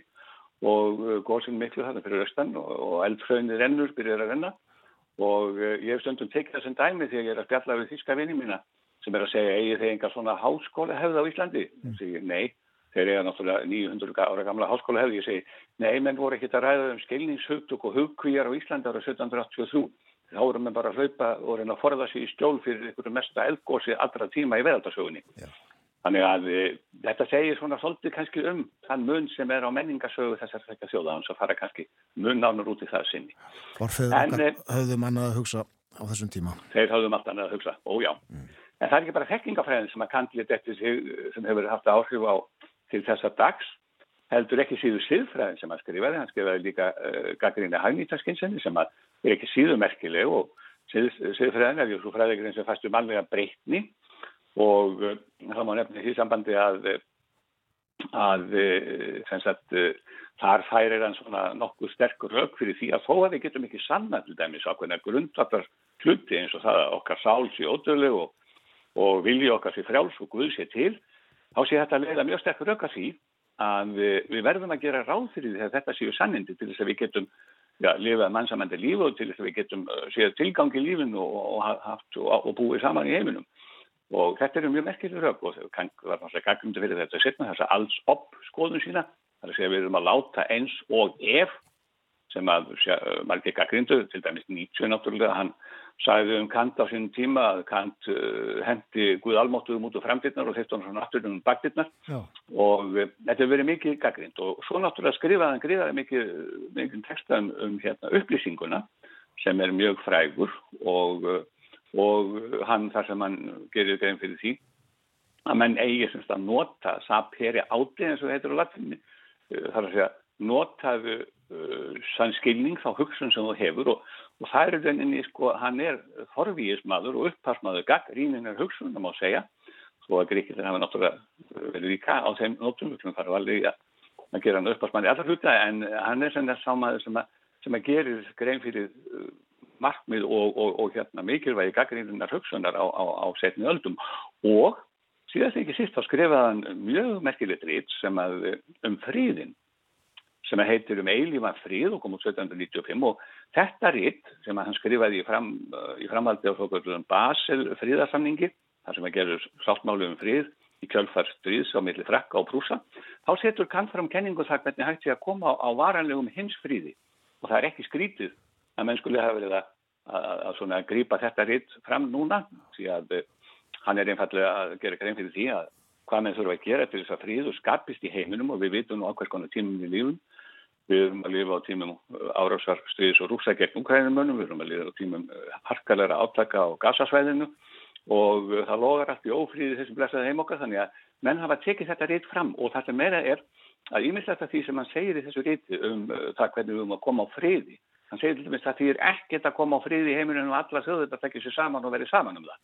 Það því við getum að koma á heimsfriði bara með hlutaheiminum og svo segir hann líka að, að hérna, við þurfum að koma okkur saman með okkur grundvallarreglur sem að allir, allar þjóður heims, allar þjóður í það mesta, sætti sér við og þetta rít kann skengdi mjög mikilvæg hlutverki þegar að til dæmi sáttmáluðu saminuðu þjóðana var samin á sínum tíma á síðustu öld og uh, þetta er nefnilega stórmerkilegt dæmi og, og hann var, uh, að því að hann var gaman að flegum setningum, hann kannski nefna hann ekki hægt að halda halda hérna tæmandi fyrirlestur og örstutum á fáinni mínútum um þennan merka heimsbygging en það má kannski nefna það að, að það er einn setning sem að menn hafa gert að vitna uh, til hans með. Og hann saði nefnilega uh, á flegur setningu það er tvent sem veldur mér lotningu, það er hinn allstindi stjörnur heiminni verið höfðu mér og siðferðist lögmáfið í brjóstum mér, það er náttúran sem vekur hann á lotningu, vekur hann í lotningu. Og svo þetta að hann var þeirra trúar að við hefðum ákveðið siðgæði, ákveðið siðgæðis eða siðferðis lögmál sem byggi innra með okkur öllum þó að við höfum okkur á köflum alltaf törfis og svert ofan á þetta allt saman þannig að eh, þetta er stórmerkilegur hútu við kannski þegar hann á ammali í april eh, þegar ammali stagurinn rennur þá kannski minnustu aftur á hans að ég held að þessi merkja hilsbyggur eigið alveg skil þannig sem nefndur í þeim þess að tvísvarsunum út af allar landsmanna. Mér finnst uh, ég er sammálað því, það hérna fer vel á því aldrei og, og uh, þessi þú nefnir um upplýsinguna og uh, friðin þetta hefur staðist tímast.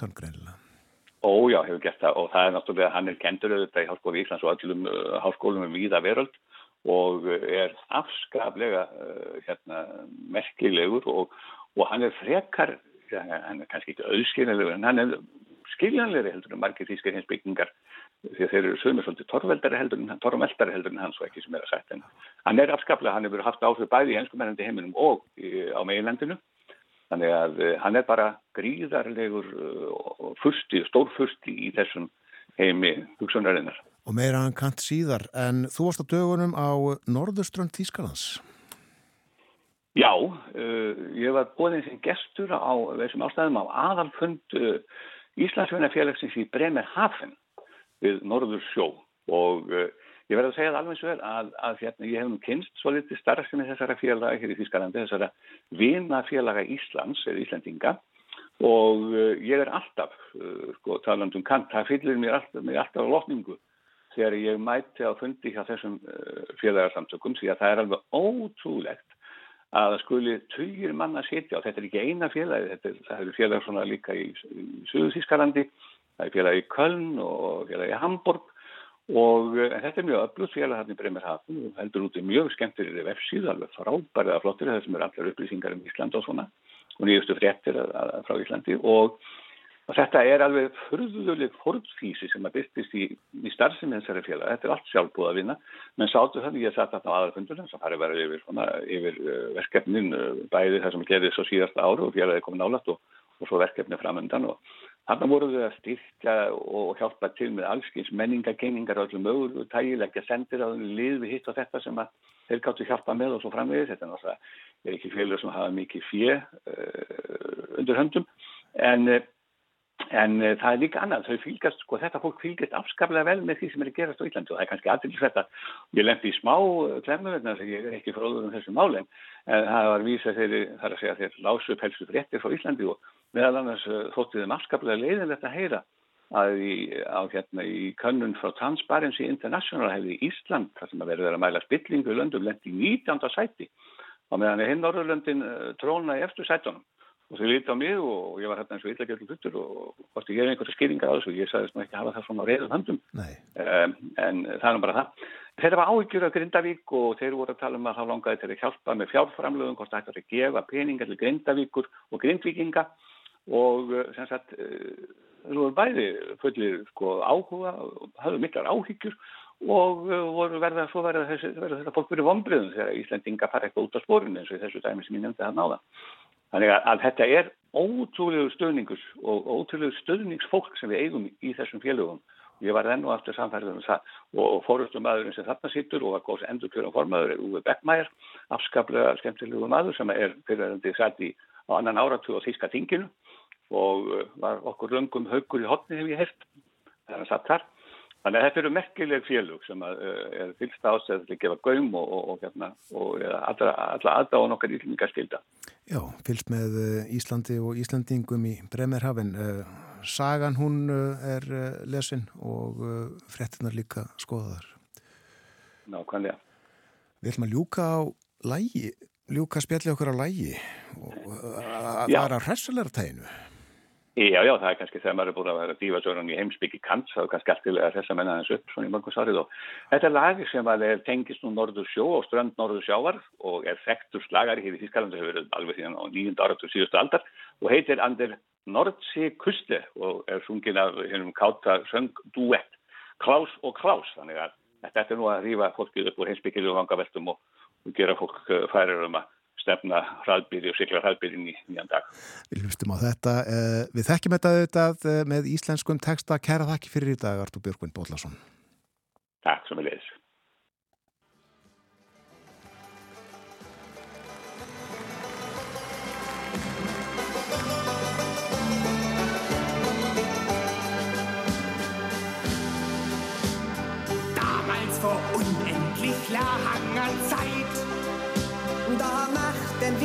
Wir Friesen am Wasser uns breit. Die Jahre vergingen wie Saus und wie Braus. Aber breit sehen wir Friesen auch heute noch aus. An der Nordseeküste, am plattdeutschen Strand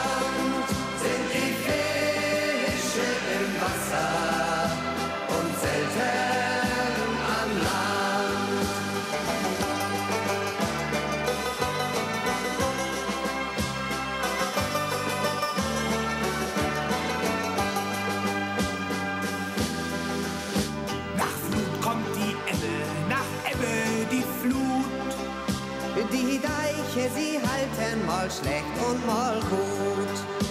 Die Dünen, sie wandern am Strand hin und her. Von Grönland nach Flandern jedenfalls ungefähr. An der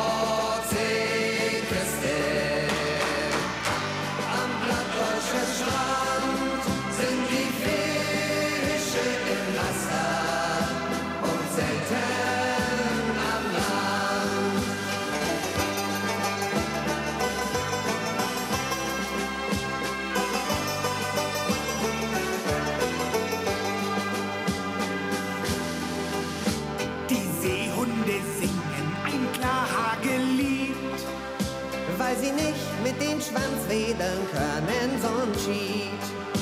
Die Schafe, sie blöken wie blöd auf dem Deich. Und mit schwarz-grünen Kugeln garnieren sie ihn reich.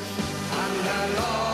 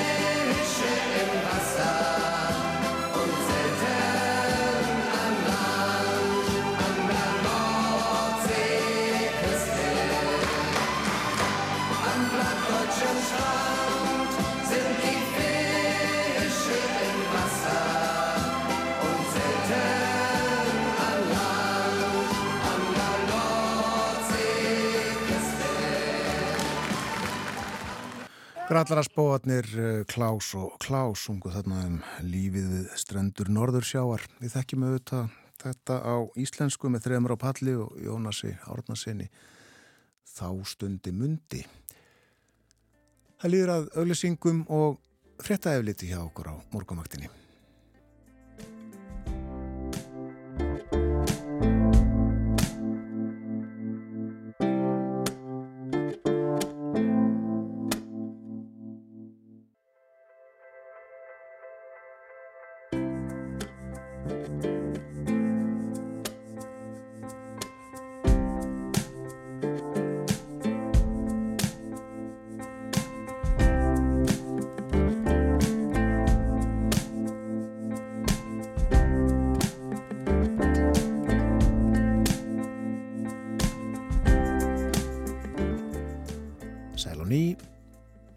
Morgunvaktin á rás 1. Klukkan er núna réttliðlega hálf nýju og síðasti hluti þáttarins framöndan. Já, eins og við heyrðum í fréttaeflitinu hér áðan uh, þá uh, getur verið orðið leðilegt sumstaðar á landinu í dag.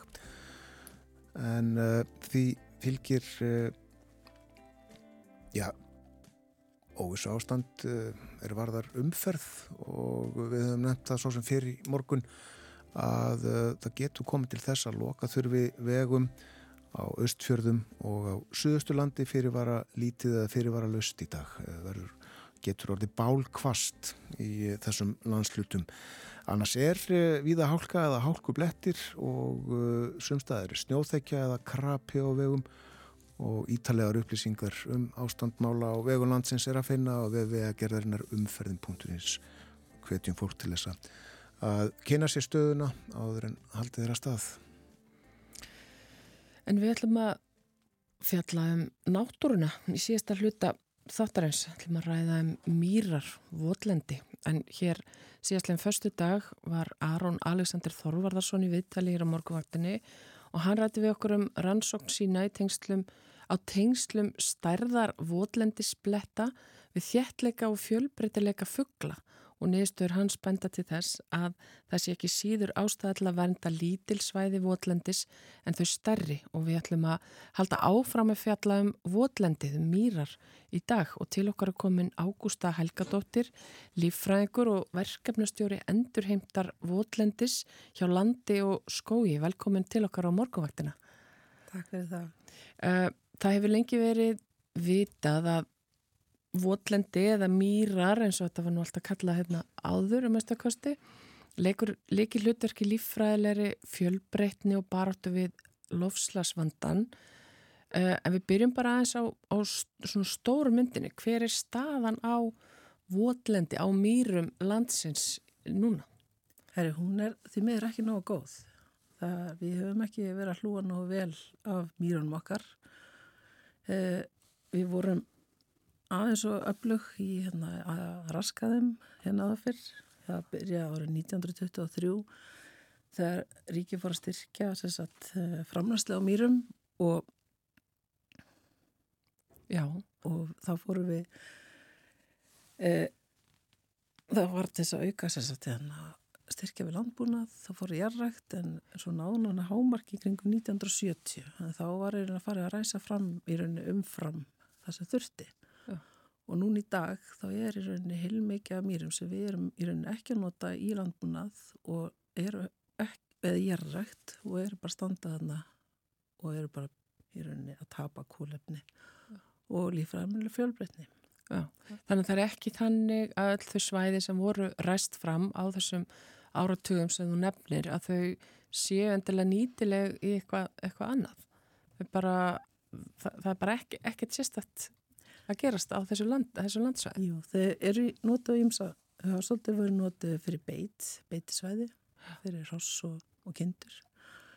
En það er hægt í rauninni, það er í rauninni mikil tækifæri í að endurhunda þessi svæði hjá landegundu sem enga, sem er ekki búskap til dæmis að endurhunda voldi mm. að þegar við erum búin að út af það er ekki búið að jarfina flest þessu svæðum þannig að við erum ennþá í rauninni með alla voldinsblöndunum til staðar þannig að það er í rauninni frekar auðvelt fyrir okkur að endurhunda þessi svæði. Mm. Getur þú lísta þess fyrir okkur hvað fælst í því að endurhunda votlendi, svona praktist sé, hvað, hvað gerist þegar við förum í það, það verkefni að endurheimta mýrar? Kanski framræðsla, það er rauninni, þá erum við búin að grafa skurð sérst, í gegnum mýrina. Mýrar eru náttúrulega, eru blöytar, það eru frekar, ofta verið frekar háa vastöðu og þegar við erum búin að grafa skurðin, þá er rauninni lækkar vastan í mýrinni. Þannig að, og leiðum við lækku vastöðuna, þá er rauninni þotnajarfiðurinn og jarðverðum í mýrunum, hann er svo merkilur út af hann er í rauninu bara uppsafnar af plönduleifum, þannig að þetta er rauninu svona kóla námurnar okkar á Íslandi. Þannig í rauninu leið og kjast súrefni að þessi jarðvegi, þá er hann í rauninu bara að brenna og, rauninu, og er, við erum alltaf að tapa þessum jarðvegi, þannig að það er í rauninu betra geiman blöytan og það er það sem við viljum gera til framtíðanar fyrir í rauninu sjálfbari landbúnað til framtíð. Já. Og hvernig fyrir við að því? Er bara ná að hella vatni yfir? Nei, við þurfum að ná að hækka vastuðunum og við gerum það með því að fylla upp í skurðin oftur og þegar þeir voru grafnir þá er oft bara ruðningurinn til hliðar Já. þannig við getum nýtt efni við einn þar til þess að mókóni og stíplum líka þannig við náum í rauninni leiðum við náum þessu vastuðinu upp aftur þá náum við þessu virkni sem að var áður fyrir í visskerfinu og þá fara ferlinu alltaf, alltaf snúast við aftur. Já. Og í rauninu leið og við náum vastuðin upp þá sjáum við bara bútildisbröndur sem er, hafa kannski bara verið frekar lágvaksnar og hefur ekki gengið vel að blómstra. Það er í rauninu taka svolítið svona stóna kikk og blómkun eikst mjög mikið. Já. Og því getur bara hort á þetta gerast. Hort Já. á rauninu landi svolítið lifna við. Já, við sjáum það Hvað hérna, uh, nú er það þannig að Votlendi er líka raskað ekki bara fyrir landbúnað, heldur bara til, a, til að byggja. Það eru mýrar hér í, í Reykjavík sem hefur verið byggt á. Uh, svona að hvað miklu leiti er mögulegt að endurhemta Votlendi? Hvað getur við vænst að, að þess að, að endurhemta mikið af því Votlendi sem hefur verið lagt undir Eh, byggð eða, eða, eða, eða hvað sem er því að vantalega ætlum við ekki að hérna, endurheimta norðumýri til dæmis eða eitthvað slíkt? Nei, það er í rauninni, við erum ekki að endurheimta voliti í byggð. Þetta er í rauninni, við erum að skoðu mjög, velja, mjög vel hvar þessi svæði eru sem við erum að endurheimta. Og við erum að skoða í rauninni nála við sjó fjarlæði frá gósbelti, svona hvernig frjósimi viskirana er og í rauninni það opið stærri svæði þar sem er, er kannski vernd, vendagildi hátt með tildi fugglalífs. Já. Er það, það misjan, skiptir máli hvar mýrin er uh, og, og sagt, hefur það einhverju þýðingu upp á það hversu miklu máli að skipti fyrir umhverfið að endurhemta mýrina eða vollendi? Já, við, það skiptir máli og, og hérna í rauninni, við reynum að tökum allt í rauninni, er stórn stort svona netvendasvæðin á Íslandi þannig við erum að reyna að stækka þau við vitum að þau eru mikilvæg til dæmis hérna, hérna á Suðurlandi það er mjög stort svæði sem er farið inn á náttúruminaskrá hjá Náttúrufæðastofnun Íslands þannig að við erum að reyna að virkja landið undir þar til þess að hérna, endurhemta á sínu jörðum. Já, en uh, hvernig gengur að fá landegundur til þess að svona, hvað ég segja, sjá ljósið í þessu sem að þið eru að reyna að gera með endurheimtinni? Það hefur gengið að gekk mjög vel til að byrja með en svo núna það hefur ekki gengið nógu vel. Nei, hafið einhverju skýringar því, hefur orðið eitthvað bakslag í þessu, hefur fólk ekki trú á endurheimt votlendis eða, eða hvað? Það hvað eru mjög umdelda skoðanir á þessu aðgerð á hún sí að virka Já. en við erum búin að vera að rannsaka og bæta vel í þekking okkar síðan að málflokkurinn kom til okkar á 2016 þannig að við erum komið mjög mikla reynslu og gagna serju sem við erum að, að vinna í þannig að við erum að í rauninni erum alltaf að bæta við þekkingu. Já. Og af hverju skiptir þetta svona miklu máli? Að fá fleiri landeðendur? Já, nefnir bara að endurheimta mýratnar. Hvað, hvað er það sem að, að þýðingu hefur það fyrir náttúruna? Fyrir náttúruna þá er einu að viðhalda lífræðileg fjölbreytleika. Það er einu stóra myndin og einu að endurheimta þessi visskerfi sem að voru til staða sem við erum búin að raska mm. Og í rauninni og líka þegar við hugsaum um hérna e, mýrarnar í rauninni þar er miðla vatni.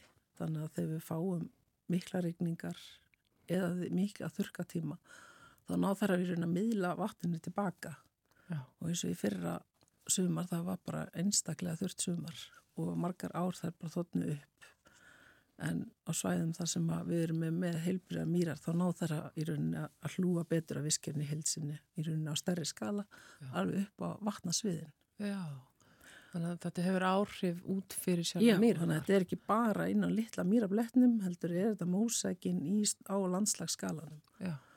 og til dæmis erum við með á mýrum í borgarferði, þar er rísastort verkefni sem við hófum með samstarfi fugglavend og hérna Hafrásónstofnun Íslands og Breska konunglega fugglafélagið við erum að, að skipleika alla mýrarnar, búin að kortleggja hvernig hérna þar hafa tjapni, vötn hafa verið rest fram. Hlutaðum hafa verið endurheimt og við erum með nokkra landið þetta líka sem eru búin að vera öflugir í þáttöku með okkur í endurheimta og, en við erum að reyna að, sagt, við erum að endurheimta uh, farliði fiska út af þegar raunir þegar skuðurni voru grafnir þá hindraða fiskengni upp í milli vatn áa og milli vatna mm. þannig að núna eru farin að vinna í raunni á stóra landstafskalunum með fleiri aðilum og í raunni hlúa viskirni í helsinni uh, Örstuðt um þetta þú nefndir konunglega breska fugglafélagi. Hvaða fyrir bæri það? Herri, þetta er bara mjög öflög hérna, félagsamtök í Breitlandi sem að er, deila sér satt mikilvæg fugglastofnum minna með okkur í Íslandi og þeir eru að reyna sitt besta að koma að tryggja búsvæð sinna fuggla sem koma yfir veitatíman hjá þeim og koma til Íslands og verpa á sumrin. Já, og, er þetta undir verdarvæng krúnunar? Eða hvað? Fyrst þetta með þetta nafn, Jú, konunglega. Já, það er það. Það ekki, já. En hérna, hvaða, hvaðar eru til staðar ef ég til dæmis er landegandi og, og, og hef ræst fram land en vil, vil, vil gerna endurheimta það, endurheimta mýratnar á, á landinu. Hvaða, það lítur að kosta peninga að, að hérna, framkvæmdi sjálf hvernig er eitthvað styrkir eða annað fyrir þá sem vilja fara í þessu endurheimt? Já, við hjá Land og skógi erum að styrkja framkvæmdina á endurheimt útlýtis þannig að það er hægt að hafa samband við okkur beint og ég er, er verkefnum stýra yfir þessu verkefni en við erum með sérst, hérna, fulltrú og ráðgjafa út um all land. Við erum yfir 16 starfstöður á landinu þannig að það er að leita til þeirra með ráðgjöf og, og hérna en við styrkjum sérst, en við áðunum við förum í úttækt þá hérna við skoðum svæðin alltaf bara mjög vel fyrst. Þannig að við þurfum að meta hvort sem styrka verkefni og svo eru farið í frangvættir að lókur. Já, já. Þannig að það er einhverjir, kvatar til staðar. Já. En eru þeir næjanleir til þess að menn farið þessa leið og, og, og ráðist í þetta verkefni að, að endurhemta mýratnar? Nei, það virðist vera það sé ekki alveg nú miklir. Nei. Þannig að það þýrst að gera betur þar. Algjörlega. Já. En hvað svona í þínum huga þarf að gera til þess að e, ef það var að setja meiri kraft í þessa endurheimt að því að við sjáum það, sko það er til aðgerða áallun stjórnvalda í lofslagsmálum og þar eru 50 atriði nefnd og, og tvö af þeim hafa með, að mista kosti hafa með votlendi að gera, það er annars vegar verndun votlendis og hins vegar endurheimt votlendis, þetta sem við höfum verið að ræða hér. Um, hva, hvað þarf, þannig að það er verið að leggja áherslu á þetta og, og hjá saminuðu þjóðanum er mikil áherslu á endurheimt vistkerfa, það er áratugur endurheimtar núna, eh, skilst mér fram til 2030 og, og hérna þannig að þetta er mikið svona áherslu atriðum allan heim, en hvað getur við hérna gert betur? Hvernig getur við sett svona aukinn kraft í þetta? Já, það er í rauninni bara sína þessu áhuga. Í rauninni ég myndi hvetja alla landi undir ef þið eiga mýri á sinni jörð. Já. farið út, kiki hver er ástandi á henni? Er þið að nota hana? Gætu hugsa ykkur, já, mættu nú alveg endur hefnda hérna smá blett. Og, og í rauninni hver blettur skiptir máli? Eins og kom fram í rannsóknum hjá honum hérna Aroni sem var hjá okkur um daginn. Og við sjáum það líka bara litli blettir þeir eru alveg skila. Já. og. Þannig að það er ekki bara stærðin, það er líka, það, þetta snýst um fjölbreytni, þéttleika og ímislegt annað mm -hmm. og jarðvegin eða ekki? Jú, jarðvegin og umræðin hefur kannski verið svolítið mikið á hérna, loftdags ávinningin en það er rauninni bara eitt auka atrið sem fylgir með í rauninni bónus. Já. Já, það er, já, þú, þú horfur að það, eða, það er svona... Já, auka, út af því að í rauninni verðmættin eru í rauninni í, í, í lífræði fjölbreytnir, í plöntunum, í skortýrónum og í fugglónum, að þessi heilbrið búsveið sem geta til dæmis tekist á við áföllum. Já, já. Eh, ég veit að það er eitt alveg sérstaklega í mýrónum sem að þú hefur áhuga, það er mósin. Mm -hmm. eh, er mikill mósi í votlendi? Já, Erlendis þá eru svona batnamósar eða spagnumósar þeir eru mjög vinsalir og hugsa fyrst og fremst Erlendis um þessa mósategund mm. en hérna á Íslandi þá eru hér með eru starir miklu algengari mm. en við erum með svona, þúfur af uh, batnamósum hérna inn á milli Já. og við sjáum það að þegar í rauninni þegar maður lappar yfir mýratnar og stekkur kannski um til að halda sér þurru fæti og þá sekkur oft onni inn að barnamósa. En þegar hann hefur hérna verið fræsti fram þá er, henni, þá er hann ekki jafn stóra þess að þúfur þess að mosa þúfur. En leið að við erum búin að endurhemta þá sjáum við þeir taka svoleiðis vaksta kikk Já, já Þeim líður miklu betur. Já, þeim líður betur í, í vætunni. Mm -hmm. þeir vilja það frekar Já. En hérna, hvað gerist næst? Hvað áalliði að sé hægt að endurheimta mikið votlendi bara, ef við tökum bara á þessu ári eða næsta? Já, í fyrra gekk ekki nógu vel en við vorum með tíu hektara í fyrra. Og, en það eru mörg verkefni í gangi okkur núna þannig að við verðum komið með yfir 150 hektara næstu tvö árin sem er að bætast við. Mm. en við erum í rauninni út af ferlunni hjá okkur. Við gerum okkur góðan tíma í rauninni að kynast svæðinu fyrir til þess að geta mitti árangurinn þannig að við erum að taka út við notum til dæmis flíeldi og dróna til þess að sapna upp gögnum fyrir jarðirnar. Þannig að við viljum sjá þegar við fyllum upp í skurðina hvernig mun vatn flæða yfir jörðina át því að við erum ekki, við viljum passa upp á að sé það sem við höfum áhuga á ekki að hérna okna einhverjum mannverkjum eða svona Já Þannig að það er heilmært framöndan í, endurheimt mýra Mhm. á Íslandi. Já, og árið 2025 þá verðum við búin að ná þúsund hekturum. Já. Það er svona aðeins eftir áallin, en, En það miðar þó áfram. að miðar áfram. Já. Það gerir það. Takk kærlega fyrir komuna Ágústa Helgadóttir, lífræðingur. Takk fyrir komuna. Þetta voru mýrar. Við fjalluðum um mýrar í þættinum hér í síðustu viku og framhald sem sé í dag. Hlustum þá á tónlist. Hér er komin söngkonan Setona, söng og leikkonan raunar. Hún fættist í Sútan 1962, fluttist hún til Egiptalands og eh, bjó og starfaði í eh, höfuborginni Kæró. Hlustum á hún að flytja hér uh, lægið Tarasína. Ay,